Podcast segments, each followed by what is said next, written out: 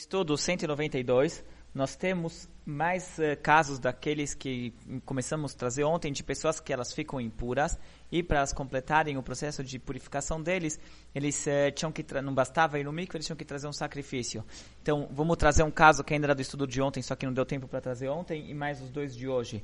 O caso de ontem é uma mulher que deu à luz. Uma mulher que deu à luz, ela fica impura. E essa é a maior prova de que não há problema ficar impuro. A pessoa que uma mulher que dá à luz não tem nada mais uh, bonito e, e, e maravilhoso que isso inclusive a primeira mitzvah da Torá. Porém, a, a, o, o, parto deixa a mulher impura.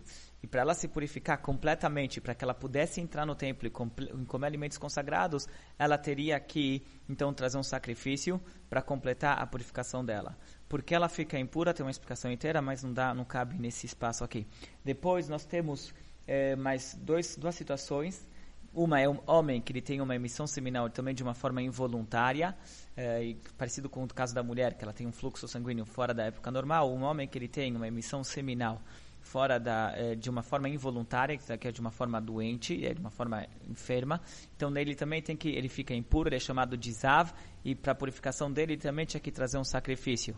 E o último caso é o metzorá, era a pessoa que tinha aquelas manchas na pele, que ele ficava com, é, traduzido como lepra, não sei se é exatamente a doença de lepra hoje, mas era uma doença espiritual que acontecia na pele, que ela deixava manchas brancas na pele, e a pessoa, quando ele se, ele se curava, para ele conseguir a purificação completa dele, tinha que trazer um sacrifício e assim ele conseguia eh, a sua purificação. O Metzorah também estava impuro enquanto ele estava com a doença.